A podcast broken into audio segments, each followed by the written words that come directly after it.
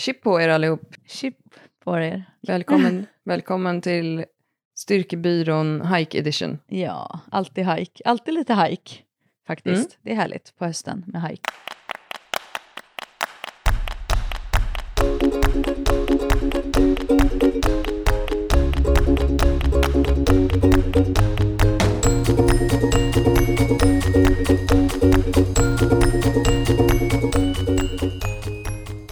Hur är det med dig, Klara?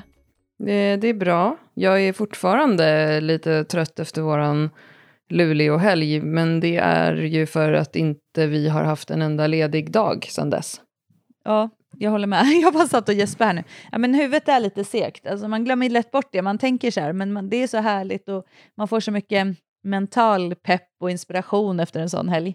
Men Mm. hjärnan blir lite urladdad känner man, så jag är också lite seg i huvudet. Ja, men vi har ju gjort, hur många avsnitt har vi gjort om återhämtning i den här podden? Ja, men vi är ju inte så bra coacher till oss själva, det är man ju aldrig. nej, nej. Men det är ju roligt att eh, man har ett roligt jobb där man känner eh, eh, autonomi, kompetens och gemenskap. Mm. Där man känner livsglädje. Nej.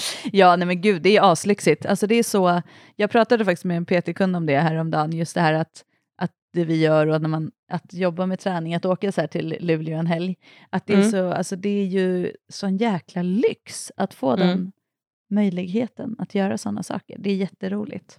Verkligen. Man bara står och skriker på folk och peppar. Och, alltså, det är så mycket positivt. Alltså, alla som är där är ju där för att de älskar typ att lyfta. Så det är inte så att man måste Ja. på något sätt... Nej, det är härligt. Så det, Men vi är ju redan igång med att planera in nya grejer. Ja. Så det är inte som att vi är avlidna. Det är mer att kroppen är...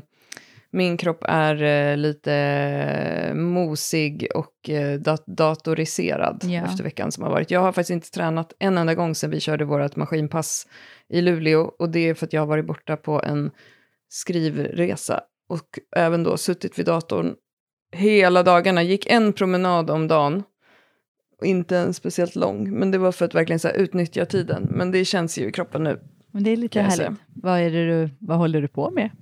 Nej, men det är den, jag ska inte prata jättemycket om det, för det känns lite töntigt. Men det är den, jag går ju en skrivkurs som jag pratade om i förra avsnittet, som är inne på år två nu, som handlar om att man jobbar med, under de här åren så jobbar man med ett projekt. Och jag håller på med det projektet. Och ehm, nu är det verkligen, alltså efter den här resan så är det så jäkla kul, för nu är jag så här, nu ser jag, ser jag målet Mm.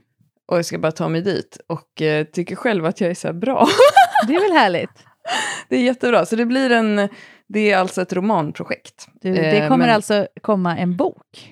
Ja, men det kan man ju inte veta, för det är ju jättesvårt att bli utgiven och sådär. Men målet för mig har hela tiden varit, apropå det vi pratade om med ehm, self-determination theory, det har varit processen. Att Ja. jag har velat veta om jag kan slutföra ett längre projekt. För att, som vi också pratade om i förra avsnittet, jag tror att det är en av de vanligaste grejerna som eh, folk som tycker om litteratur och sådär, man drar igång ett skrivprojekt och avslutar det aldrig. Eh, och Ja. jag kommer avsluta det här och må, mitt mål, som jag sagt för mig själv hela tiden, har varit att skriva någonting som jag själv skulle vilja läsa. Och sen så, det är liksom viktigare, för att ehm, att ge ut böcker och sånt där, vilket är ju då som sagt, jag kan tänka mig att det kommer in 20 gånger så många manus som blir utgivna på förlag. Ehm, den världen verkar också väldigt läskig tycker jag. Eh, alltså så här, känns jättehemskt att folk ska hålla på och tycka Ja, saker. ja. Spännande i alla fall. Det är roligt att du har hybris. Det är ju ändå det bästa när man gör någonting, att få ha lite Ja. hybris. Ja men den känslan, alltså det är precis som när, man, när det går bra i ens träning och man är taggad för att avsluta ett träningsprogram. Jag går omkring och känner mig så lite pirrig och eh, kärlekskär liksom. Ja, vad härligt. magen. Ja, jag kan verkligen, alltså att, att få den här känslan också när man gör någonting och det bara, så här, typ som när du då skriver, att man bara får ett flyt och Mm. att det bara produceras. Det måste ändå vara Mm. väldigt härligt. Ja, jag skrev 25 sidor på de här två dagarna som jag var bortrest. Wow. Det var väldigt, väldigt kul. Mm. Vi var på Sigtuna stiftelsen i Märsta i Stockholm och det var väldigt roligt för att just nu så har, jag tror kanske den här helgen till och med, så har en premiär som heter Bränn alla mina brev som är baserad på en bok av Alice Schulman har premiär. Och den är inspelad där och den utspelar sig där på Sigstuna stiftelsen. Så var man än gick så låg den boken där eller så satt det så här lite skyltar och foton och lappar och så hade de så här, jag tror att de har så här guidade visningar också man får gå omkring. För det är ett ställe som författare har varit på i eh, ja, vad det nu är, 200 år snart. Och kommit, man kan få stipendier om man är författare och sitta där och skriva och sånt. Så det, överallt var det så här lite museikänsla. Så det var verkligen en sån miljö också som allting kändes så seriöst. Och de hade bokat in ett eh, eget konferensrum till mig och Agnes, min kompis. Där så stod det en skylt på, utanför för, på dörren så här, författare. Det kändes väldigt så Oj. seriöst. Gud vad härligt, det var lite lyxigt. Det gav också Mm. lite hybris. Ja, jag gick runt och spanade på den kända, jag har aldrig varit där ute, den här kända också internatskolan, Sigtuna humanistiska läroverk. Är det inte där, nej det är Lundsberg som Ondskan utspelar sig på.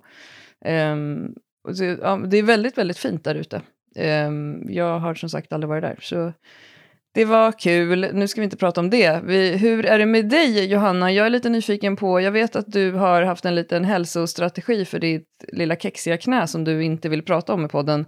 Att, eh, jag tycker det är väldigt, jag, men jag vill gärna prata om det, för jag tycker det är roligt för att de flesta människor i, som traskar runt i ett par skor i den här världen håller hela tiden på att brottas med utmaningen att försöka få in mer motion i sitt liv. Men du har kommit på en annan strategi för ditt knä. Ja, alltså jag, måste, jag har liksom dragit ner på vardagsmotionen. Eh, nej men jag eh, har liksom någonstans har jag så försökt att förstå vad som händer med det här. Jag har fortfarande inte kollat upp det, men det har också blivit bättre med min strategi.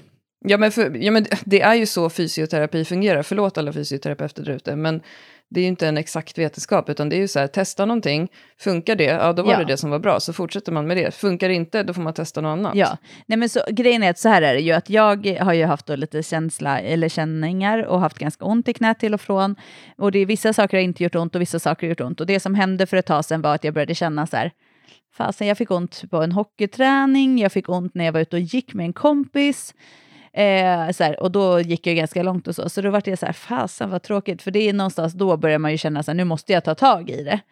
Men så tänkte jag så här, okej, men vänta nu. Jag börjar tracka lite här. När kommer smärtan? Okej, när fick jag ont på hockeyträningen? Den dagen hade jag då gymmat, jag hade gått 18 000 steg, varit på träning med flicklaget och hade egen hockeyträning. Så då kände jag kanske så här, ah, vänta, det finns ju en rimlighet i att jag, har, att jag är lite så här överbelastad kanske. Eh, Kanske, men eh, du trackas, när du, när du är hockeytränare, trackar din... Ja, då har jag inte alltid klockan, nej jag har inte alltid klockan på mig så att det är Nej, utöver. exakt, så det, det är också något som tillkommer utöver 18 000 steg. Exakt, så när jag hade min egna hockeyträning till exempel har jag inte heller klockan på Så mig. då har du, hade du redan liksom åkt skridskor i Ja. två timmar också? Ja, men alltså jag hade åkt skridskor utöver det i en timme typ med flicklaget och sen hade jag min egen hockeyträning, det var då jag kände, och jag kände lite redan innan.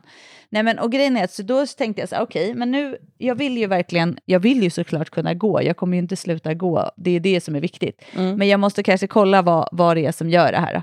Och så då har jag ju, dels har jag lagt fokus på lite prehab, alltså att jag jobbar med så musklerna runt knät, men utan belastning av knät. Så det är liksom en sak. Och sen så har jag minskat ner, så att jag tänker mig för att så här, jag kanske inte går till och från gymmet och när jag ska jobba en, dag, en hel dag i gymmet och gå runt där och dessutom gå och hämta och lämna på, försk- eller på skolan till exempel.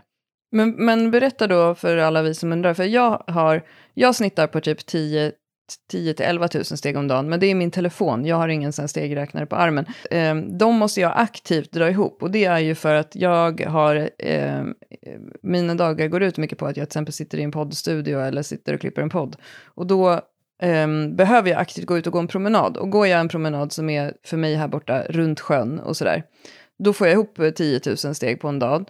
Men hur ser dina dagar ut när du har liksom 18 000? Ja, men då går jag först och lämnar jag, går och lämnar på skolan och sen går jag tillbaka från skolan.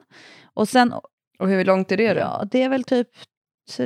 För det kan du ju inte sluta med. Liksom, Nej, fast vet du vad jag har börjat göra? Alltså, vi, jag cyk- förut så gick jag när han cyklade, men bara för att jag skulle få gå. Alltså för att jag ville gå. Men nu cyklar jag istället, så då blir det inte lika mycket. Mm, just det, cykling brukar ju knän må bra av också. Ja, och sen blir det ju inte lika, precis, det blir inte lika belastat. Men så går jag fram och tillbaka till det och sen så tar jag bussen till Gullmars och så går jag till gymmet från Gullmars, för jag kan inte riktigt gå till Gullmars, så där är det lite Mm. långt. För det. Men då åker jag bussen till Gullmars och så går jag från Gullmars till gymmet där jag jobbar. Och det tar typ Och sen 25 är- minuter enkel väg. Ja, 25-30 minuter. Och sen är jag ju på gymmet hela dagen och går fram och tillbaka, fram och tillbaka, hämtar grejer, går runt med vikter, hämtar kettlebells. Alltså jag är ju i rörelse liksom.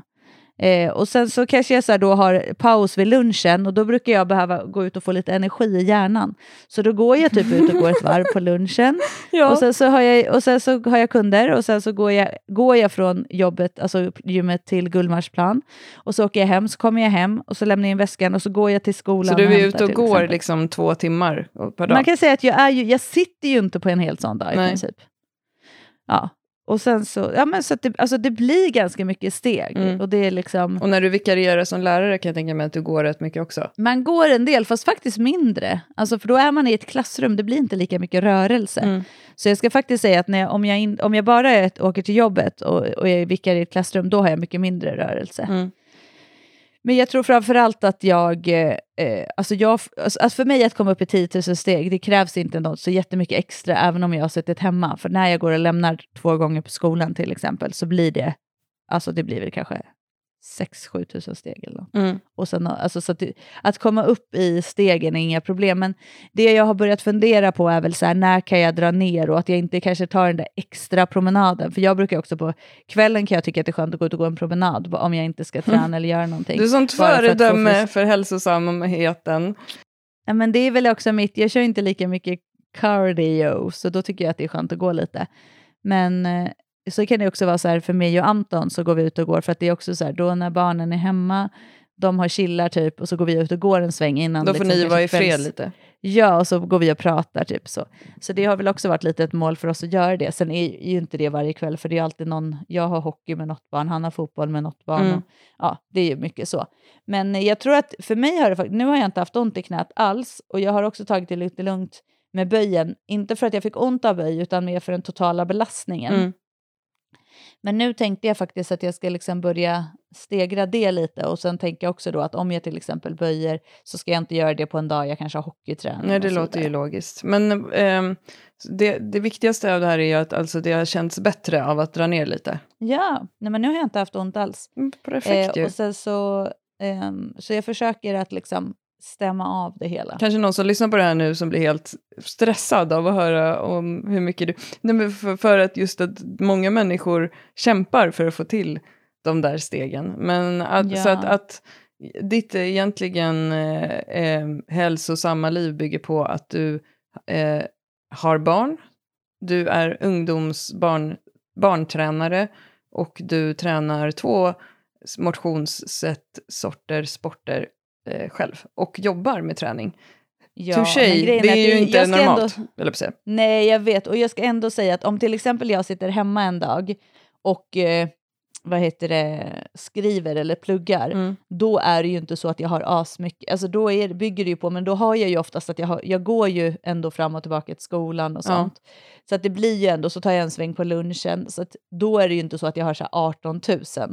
Om det inte är så sen att man dessutom har då. Så det här är ju, när, nu blev det ju verkligen extremt. Den dagen när jag började förstå också att just det, vissa av mina dagar ser ju faktiskt ut så. Det är inte bara en dag i veckan. Sen Mm. är det ju så här, Alltså för mig på helger till exempel så är det så här, men du vet man är nere i ishallen och i ishallen springer jag ju runt och man hämtar grejer och så är man på isen Mm. och så är det, ska man till någon IP och där går man, alltså så att jag tror att jag är ju väldigt sällan, jag sitter och bara inte gör någonting. Alltså det är ju inte riktigt så mitt liv är och jag trivs ju med att inte sitta så mycket still. Alltså Sen är det klart att under typ pandemin när jag satt inne och pluggade och räknade matte varje dag, typ och inte hade så här, då var det inte så att det såg ut så här. Alltså, Nej. så att jag menar, det är ju, jag förstår verkligen om det är så att man inte kan promenera till sitt jobb för att man kanske måste ta, alltså att det är långt Bil, iväg.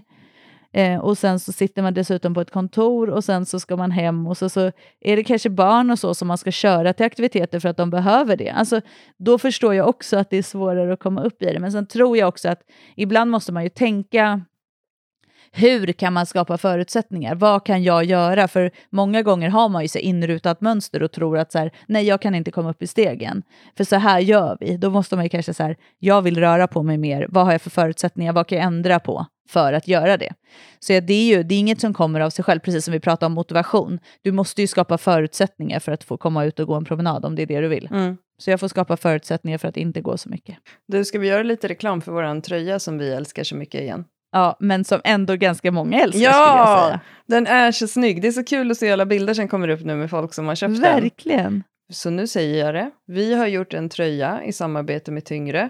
Det är eh, vårt budskap om att skapa sig sin egen hybris, men med ett jäkligt snyggt tryck som är designat av Maria Landhall. Eh, den finns på tyngre.se och den finns i både dam och eh, herrmodell.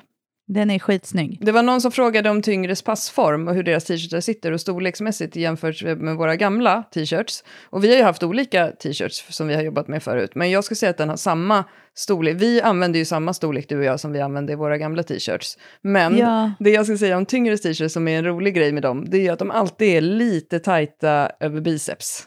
Ja, det är de. Men det är och det härligt. finns ju en anledning till det. Men det är, jag till exempel, jag har ju medium dam och du har ju small här, för du Mm. gillar ju en annan typ av t-shirt-modell. Jag tycker ju lite om dam och så, alltså den typen. Jag, jag, tycker, är om när det sitter mer ärmar. loose och så gillar jag inte Ja. när, precis, jag tycker om när de hänger ner på armarna. Och jag tycker om lite kortare ärmar. Så, nej, men, så absolut, jag skulle också säga vanlig. Men det är ju så roligt för verkligen alla som har fått in den är ju så här, den är så snygg och vad heter det, den sitter så bra och jag känner mig så här cool i den. För den Mm. är också, den är verkligen så här, alltså jag hade den ju, som, det sa jag kanske när jag gick på föräldramöte. Alltså jag kände mig så här bara, satt där med mina trasiga jeans och den där. Alltså man kan verkligen ha den som en vardagstisha. Mm. Det är liksom, ja den känns, ja, vi, den är vi stolta över. Ja, gå in och Verkligen. haffa om du är sugen på en Tirsa. En tisha ja. Mm. Mm, ja. Och om man inte vet hur man hittar till tyngre.se kan man ju som en stammis gå in på sin länk som man har sparat som favorit, eh, Styrkebyråns shop, så länkar vi till den där också Ja, det är bra, så att man inte känner sig helt förvirrad. på, på internet.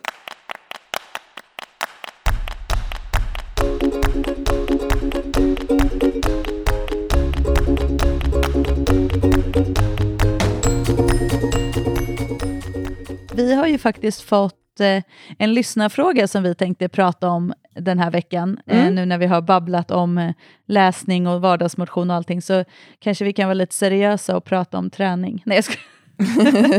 ja, jag tänkte att eh, jag läser eh, lyssnarfrågan så kan vi reflektera lite över hur vi tänker kring det här. ja, För det här är ju inte heller, det är ju någonting som vi har, som har dykt upp ganska många gånger och som vi ofta får frågan även liksom allmänt kring. Så det kan vara lite intressant. Eh, så här låter då frågan.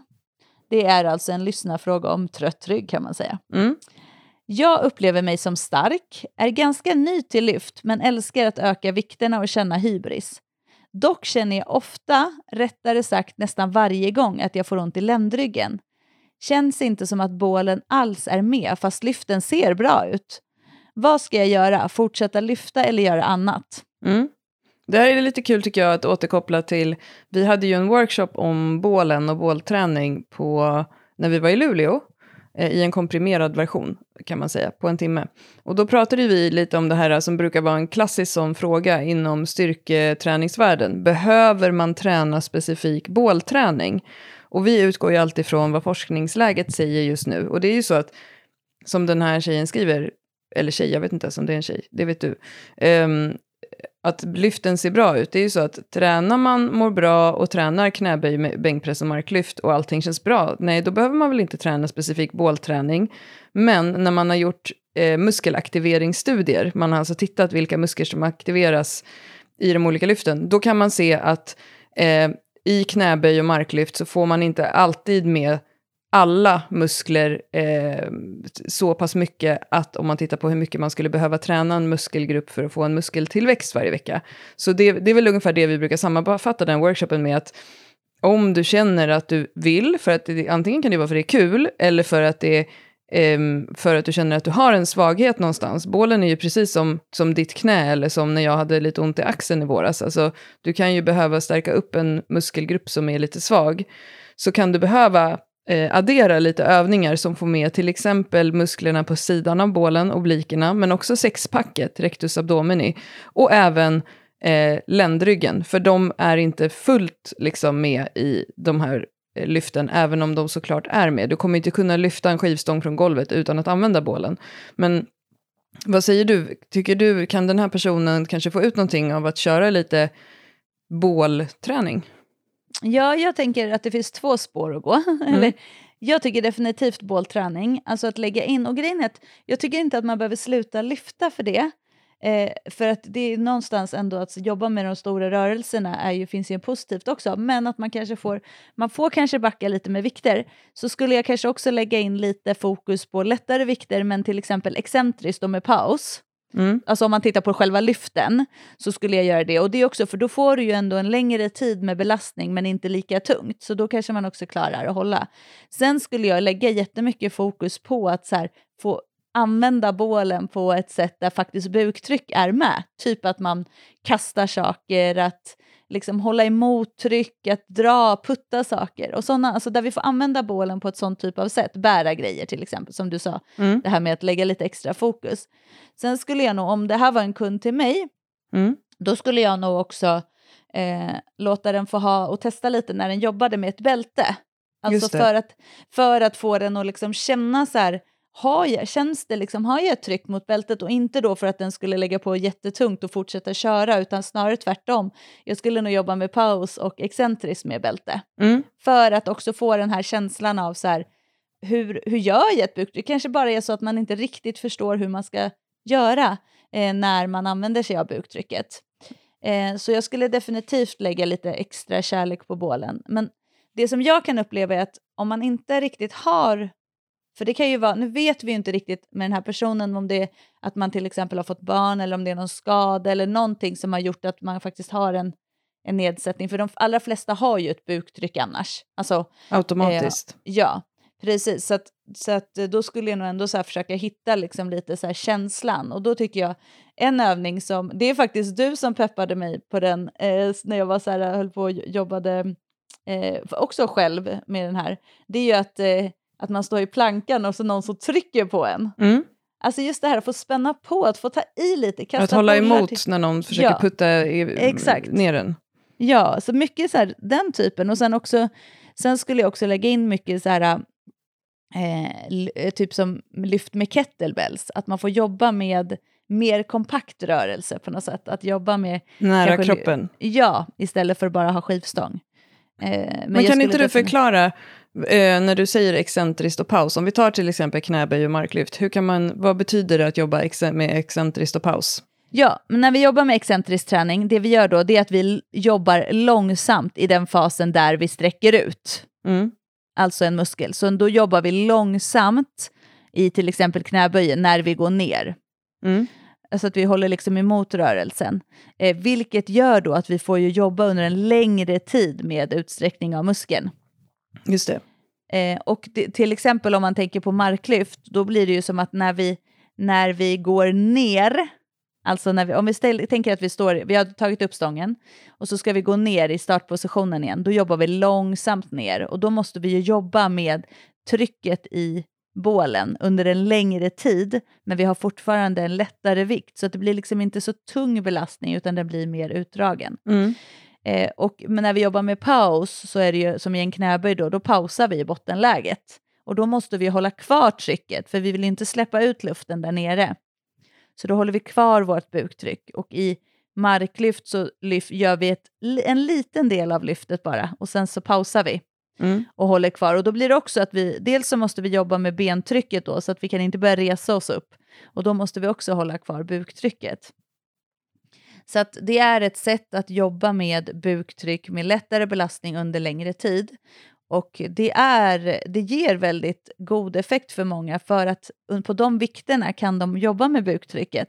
Medan när det blir tyngre så tappar man lite i eh, buktryck. Och buktryck är ju egentligen inte så himla avancerat. Jag säger, alltså det är ofta som vi säger det att i träningsbranschen så är vi väldigt bra på att göra träning så jävla komplicerad. Alltså Ja. det är så, vi säger så här, gå bara och träna, det är inte så komplicerat. Och sen pratar vi om buktryck, vi pratar om si och si och datten och ditten.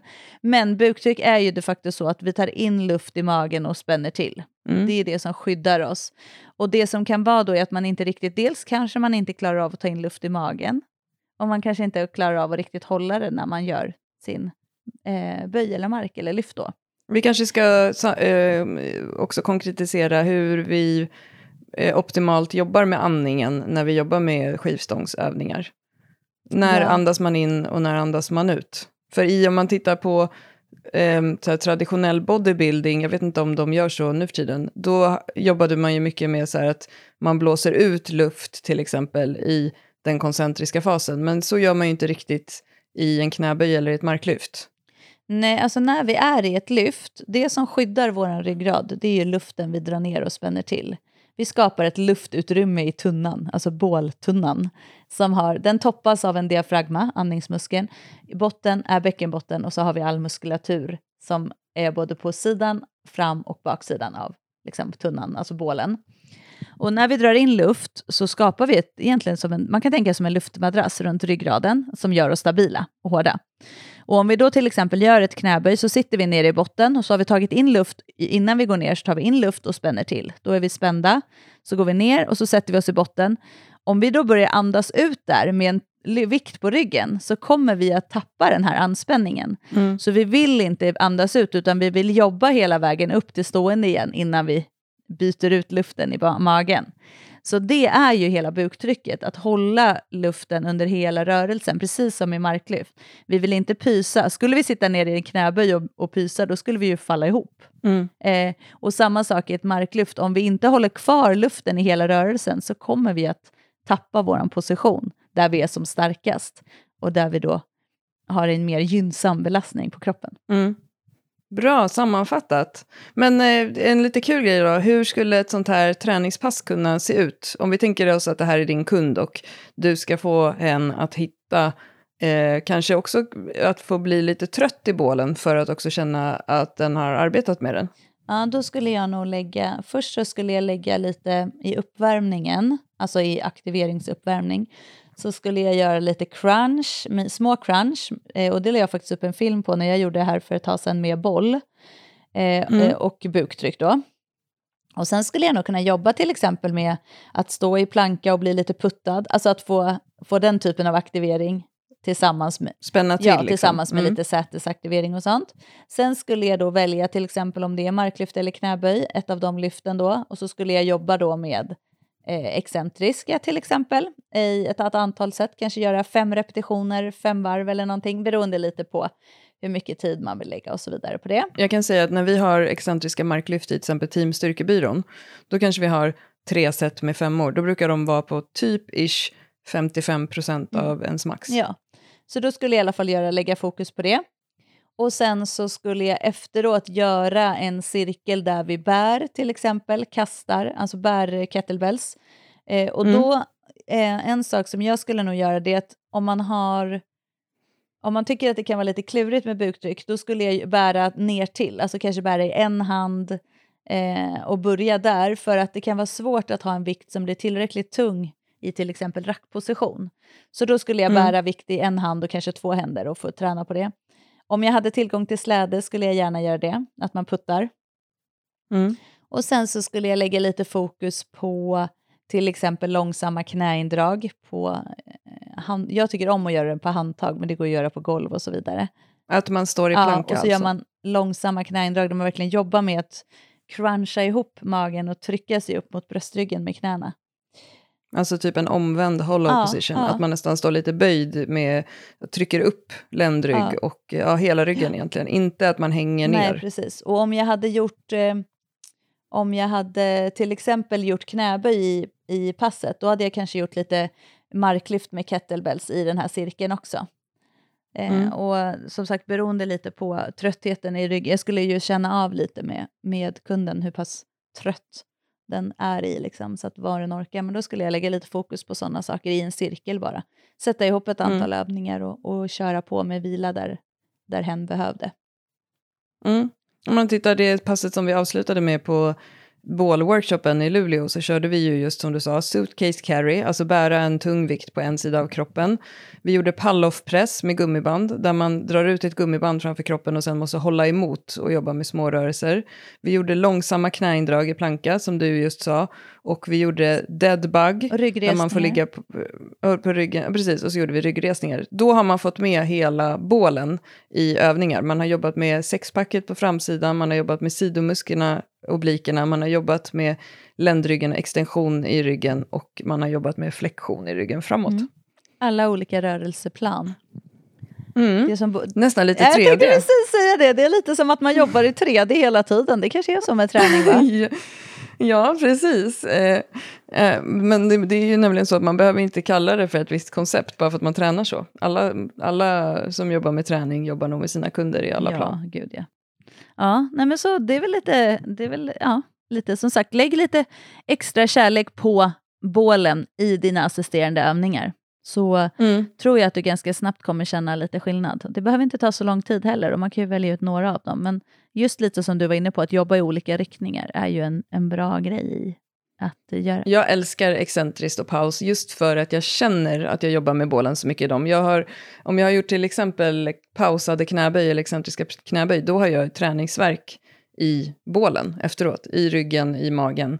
Och det tycker jag är så himla härligt. Men jag tänkte säga en sak till också, att om det är så att Eh, kanske inte den här personen som har skrivit, men det kan ju vara så generellt att man känner att det är bäckenbotten som är problemet, att man känner att man tappar i bäckenbotten.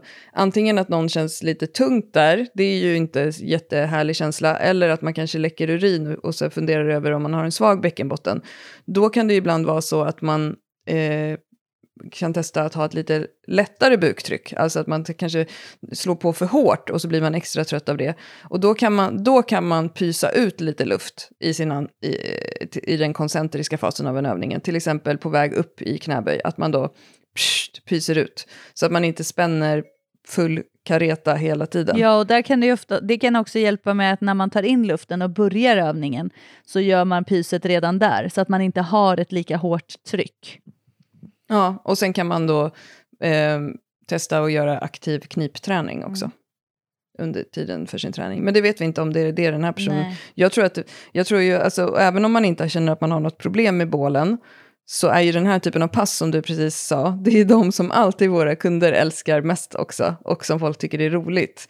Det är skönt, man känner verkligen att man har använt hela kroppen. Ja. För bålen är ju, som du sa, eh, som vi höll på, som vi nästan tjafsade lite om på workshopen, det är ju kärnan i kroppen. Men det är, alltså det är därifrån vi hämtar kraft. Om vi inte har styrka i bålen så kan vi inte koordinera rörelserna mellan överkropp och underkropp. Och det är väldigt skönt att gå från ett sånt här pass och känna att man har verkligen tränat hela kroppen. Ja, tycker jag. absolut. Jag håller helt med. Vi sa inte kast över axeln med tung boll också, det är en favorit. Ja, absolut. Bollar generellt, tunga bollar.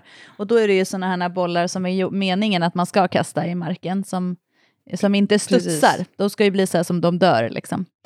Ja, och inte såna här läderbollar med stora sömmar på som man använder till wallballs till exempel. För de ska man inte slänga Nej, i golvet. utan det här är ju sådana som, som är gjorda att kasta över axel eller ta upp och kasta eller bara bära. Alltså, de bollarna mm. är jättebra också. Det vet jag att du har gjort jättemycket, liksom, att man gör good mornings, man gör knäböj mm. med bollen och så vidare. Och det kan man ha i sin uppvärmning till exempel, att man lägger in som en liten cirkel. Då kan man använda bollen som ett för buktrycket också, ja. att man trycker magen mot bollen Exakt. hela tiden om man inte har ett bälte. Ja. Så det, sådana tunga bollar tycker jag det är faktiskt ett av de bästa redskapen att, att lägga in lite i. Och som sagt de här crunchen, man känner så här, men jag tycker det börjar funka lite när jag gör dem utan. Då kan man också ha en boll. Jag brukar lägga bollen på bröst... Eh, vad säger man? Korgen. Bröstkorgen. Alltså, ja, att liksom ha den som ett extra, en extra vikt. Mm. Det kan också vara lite skönt. För att just det här att eh, känna att eh, jag jobbar verkligen med i crunchen, också få jobba med sexpacket. Mm. När jag sen ska lyfta så har jag också känslan av, för mig är det så, och det, där vet jag att forskningen är väl lite delad, det här med att bara för att det känns, men då kan det också ge mig en, en indikation på att den faktiskt är med även i böjen. Proprioception. Exakt. Mm. Ett finare ord bara där för känslan. Ja, men det som är proprioception egentligen är ju att eh, du kan ju böja din arm även om du blundar. Det är för att ja. kroppen vet vad den gör för rörelse. Det kan man sammanfatta det med. Jag tänkte också på, när vi höll den här bollworkshopen så sa vi det efteråt i gruppen att de fick köra en EMOM med de här fem övningarna, två varv bara. Eh, det tar ju då tio minuter, alltså att man gör en övning per minut och så vilar man resten av minuten. Och då så sa jag det efteråt och all, det var flera som så skilde ut att det är så himla lätt att man skiter i de assisterande övningarna om man tycker att det är kul med knäböj, bänkpress och marklyft. Eh, och att det bara känns så att äh, jag gör det nästa gång. Men att de gjorde jättemycket bålträning på tio minuter. Och efteråt så känns det faktiskt inte alls speciellt jobbigt. Och det är ju ett sätt som är enkelt om man känner sig oinspirerad i att köra träningspasset. Just det här med att använda en timer eller en klocka för att få det gjort. Så, Ja. så får man in mycket träning på kort tid. Ja, och som sagt att så är det ju med allt. Men det, jag tror att det där är en så klassisk också, att det här med tröskel, att man tänker att bara för att jag ska göra assisterande så ska det vara så här, ja men då ska det vara fyra set skivstångsrodd, det ska vara fyra set Mm. av good mornings. Alltså man har en så här bild av att nu måste jag göra sådana här övningar, medan det här, tio minuter, jättebra fokus bålträning och sen är man klar. Ja. Alltså det, det går nästan inte att säga att man inte har tid med Nej. det, för då kan man köra typ ett set mindre ungefär med hu- huvudövningen. Jag kan ju sitta i bensparken i tio minuter och ha gjort tre set. Ja men exakt, för att, för att, man, gör, exakt, för att man gör sina spark och sen bara la la la la la. Och så. Jo men absolut, det är ju ja, men också för att det är så enkelt för du kan ändå någonstans samla dig på en plats och så har du allt du behöver Mm.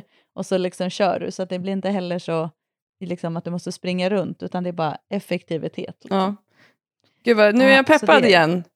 Det är så alltid när vi Jag ska sitter och göra pratar, den här jag känner cirkeln när jag går och tränar imorgon. Ska se om jag får med det, mig eh, pensionärsgänget också på träningen. Ja, det är bra. Mm. Gör den nu. Ja. Snyggt. Det är bra, det behöver du. Du har dragit ner på vardagsmotionen och jag har dragit ner på träningen. Det är båda gott inför nästa vecka. Ah, nej då. Så, nu tar vi det lugnt. Ja. Det, man ska inte röra sig för mycket. Nej, jag skojar. Nej, men det är bra. Man ska hitta det som passar för en själv. Individualisering, det är viktigt. Individualisering. Ja, jag vet.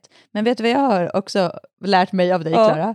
Det är nämligen att så här är det. Bara du förstår mig, det är det viktiga. Ja. Då behöver man inte kommentera. Exakt. För språket handlar om att förstå varandra. Det har du helt sen- rätt i. Every time you correct someone's grammar, nobody likes you.